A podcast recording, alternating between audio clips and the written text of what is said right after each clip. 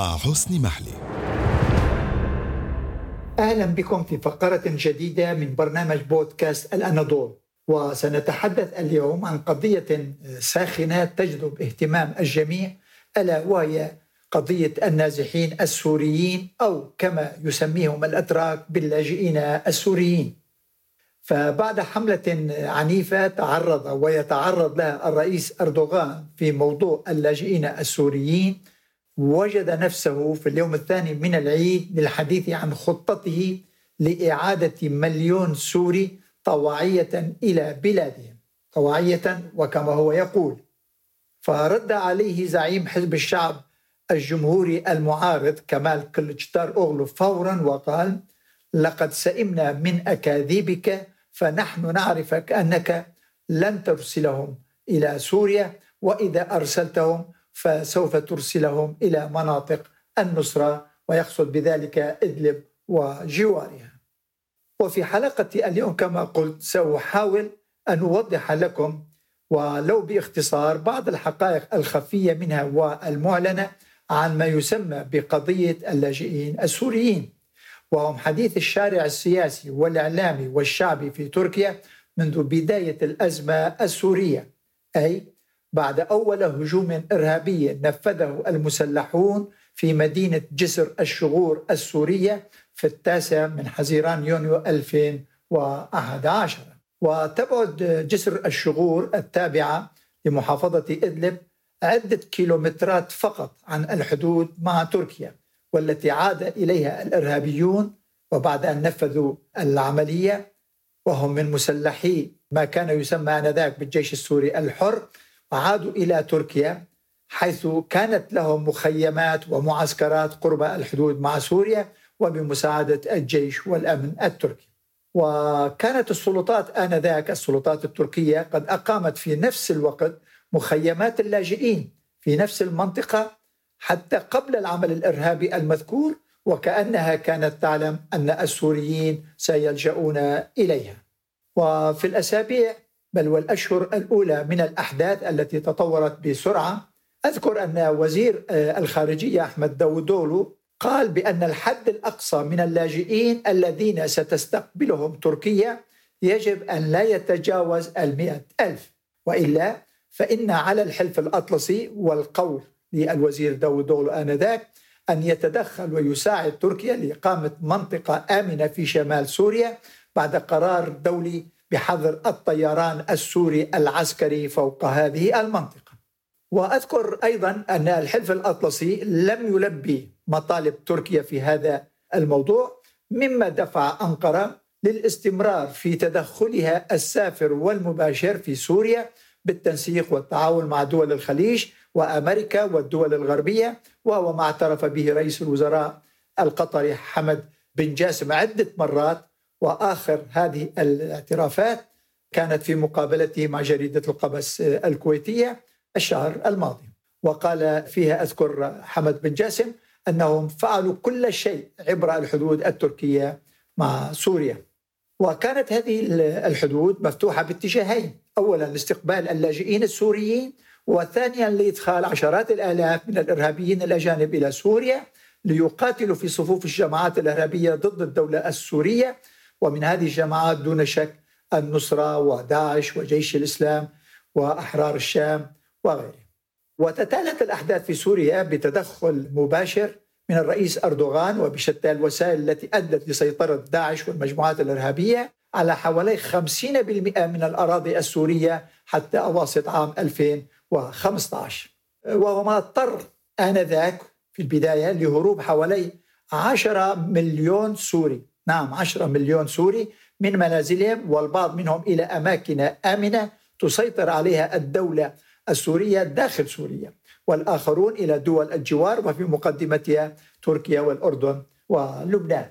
ويقدر آه، المسؤولون الأتراك عدد السوريين الذين دخلوا تركيا خلال السنوات العشر الماضية بحوالي 4 مليون ونصف مليون وعاد منهم حوالي 500 ألف سوري وغادر عدد مماثل أي حوالي 500 ألف منهم إلى أوروبا عبر الحدود مع بلغاريا واليونان الحدود البرية وبحرا بواسطة القوارب المطاطية والقوارب الخشبية القديمة.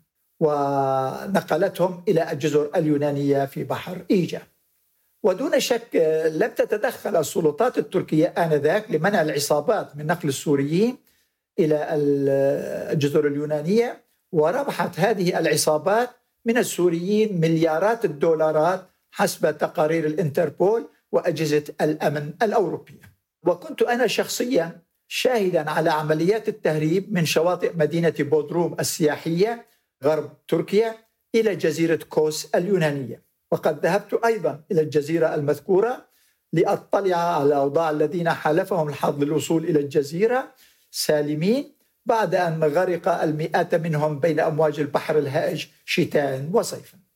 وأثارت قضية آه، اللاجئين هذه اهتمام عواصم الاتحاد الأوروبي التي هددها وتوعدها أردوغان بإرسال المزيد منهم إذا لم تساعدهم يعني إذا لم تساعد الدول الأوروبية أردوغان في إيواء السوريين فاضطرت للتبرع له ب 6 مليار يورو للفترة من 2014 إلى 2020 18 وبعد أن تعهد بإغلاق الحدود البرية والبحرية ومنع الهجرة.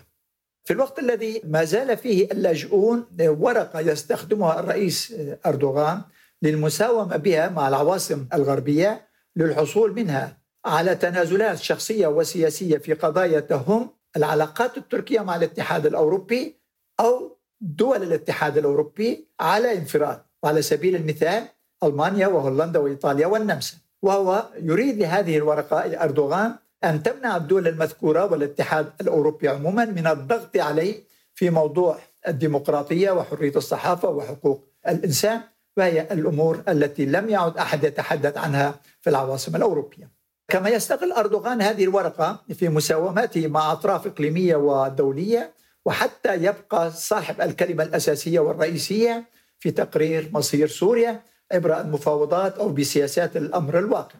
فأنقرة أسست في بداية تشرين الأول أكتوبر 2019 ما يسمى بالجيش الوطني السوري المعارض. وكان ذلك قبل أيام من توغل الجيش التركي لمناطق شرق الفرات بموافقة أمريكية روسية مشتركة في 9 تشرين الأول 2019 ويعرف الجميع بأن هذا الجيش يضم عشرات الآلاف من المسلحين من مختلف الفصائل المسلحة وتغطي تركيا وتلبي تركيا كل احتياجاتهم المادية والعسكرية والمعيشية. ولا تتردد في مساعدة جماعة النصرة في إدلب حيث يمنع الجيش التركي الجيش السوري المدعوم من روسيا من اجتياح المدينة وبعد أن سيطرت على حوالي 9% من مساحة سوريا. أي الجيش التركي القوات التركية سيطرت على 9% من مساحة سوريا في الشمال السوري شرق الفرات وغربه. آه، والغريب في الموضوع أن وزير الدفاع خلوصي أكار قال قبل فترة أنهم يغطون الاحتياجات الإنسانية لحوالي 9 مليون سوري في سوريا آه، وداخل تركيا.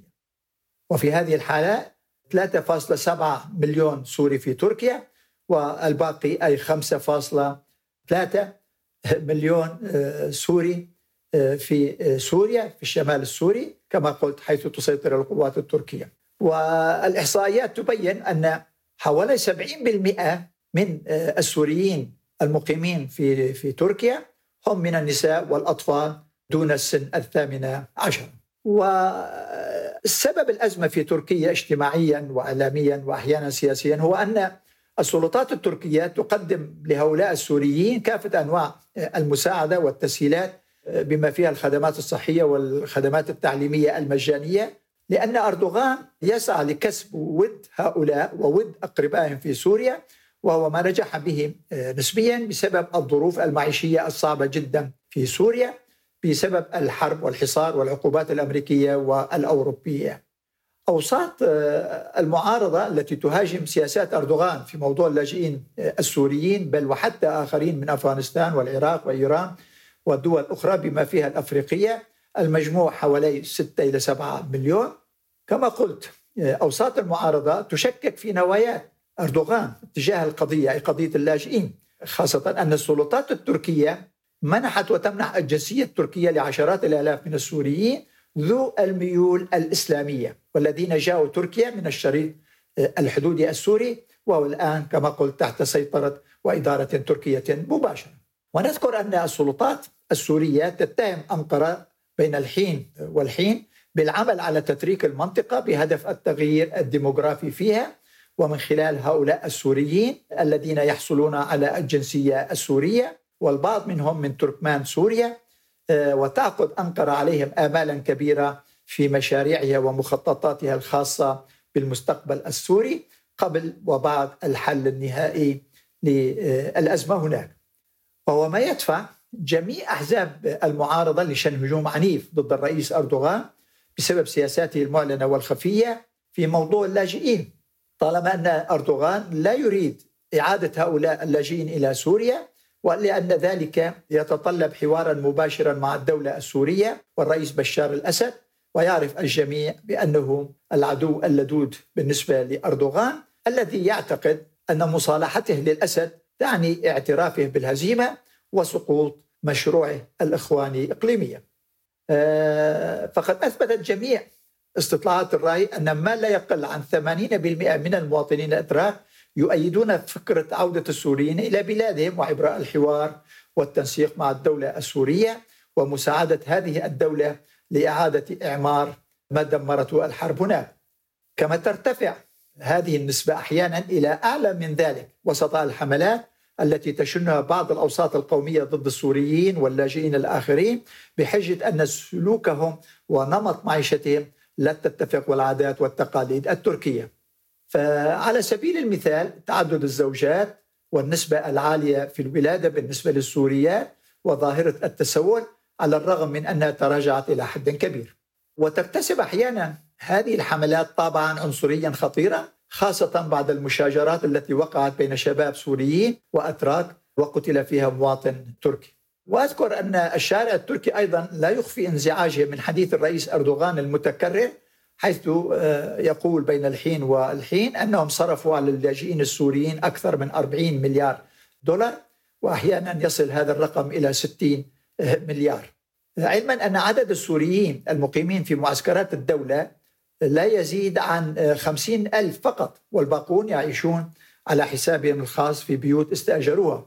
وهم جميعا يعملون في قطاعات مختلفة وهناك أكثر من عشرين ألف شركة أسسها السوريون خلال السنوات العشرة الماضية. وذلك برأس مال زاد عن مئات الملايين من الدولارات. كما أن عددا كبيرا من السوريين الذين لجأوا إلى تركيا في بداية الأزمة قد قاموا بتهريب المليارات من الدولارات نعم المليارات من الدولارات إلى تركيا وكل من اللاجئين السوريين أيضا حمل معه ما يملكه من الذهب والمجوهرات التي أصبحت جزءا من الاقتصاد التركي ويساهم السوريون فيه إلى حد كبير باعتراف المسؤولين الأتراك والوزراء الأتراك أنفسهم. فالآلاف من السوريين من خريجي الجامعات يعملون في قطاعات مهمة ومنها دون شك شركات التصدير الذين تقوم بتصدير المنتجات التركية إلى الدول العربية وتحقق هذه الشركات ارباحا كبيرة لتركيا من الدول العربية. باختصار آه، وأيا كانت ردود الفعل بالنسبة للمعارضة فقد تحول اللاجئون السوريون إلى جزء لا يتجزأ من الواقع السياسي والاقتصادي والاجتماعي بل وحتى النفسي التركي. فقد أثبتت آه، الاستطلاعات أن ما لا يقل عن 70% من الأتراك لا يفكرون بتزويج أولادهم وبناتهم من سوريات وسوريين كما أن نسبة أقل بقليل منهم لا يريدون للسوريين أن يكونوا جيرانا لهم. وهو دفع ويدفع السوريين للسكن في مناطق معينة من المدن التي يعيشون فيها في جميع أنحاء تركيا باستثناء خمس ولايات من أصل 81 ولاية.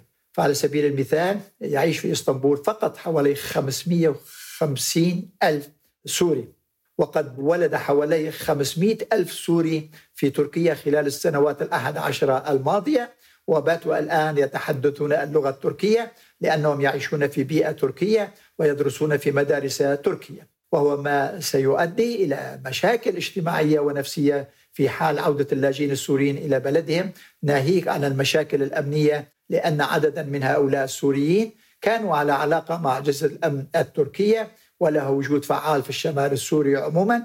هذا إذا تجاهلنا عشرات الآلاف من المسلحين السوريين وغير السوريين المتواجدين في إدلب في صفوف النصرة الإرهابي حتى وفق تصنيف الدولة التركية.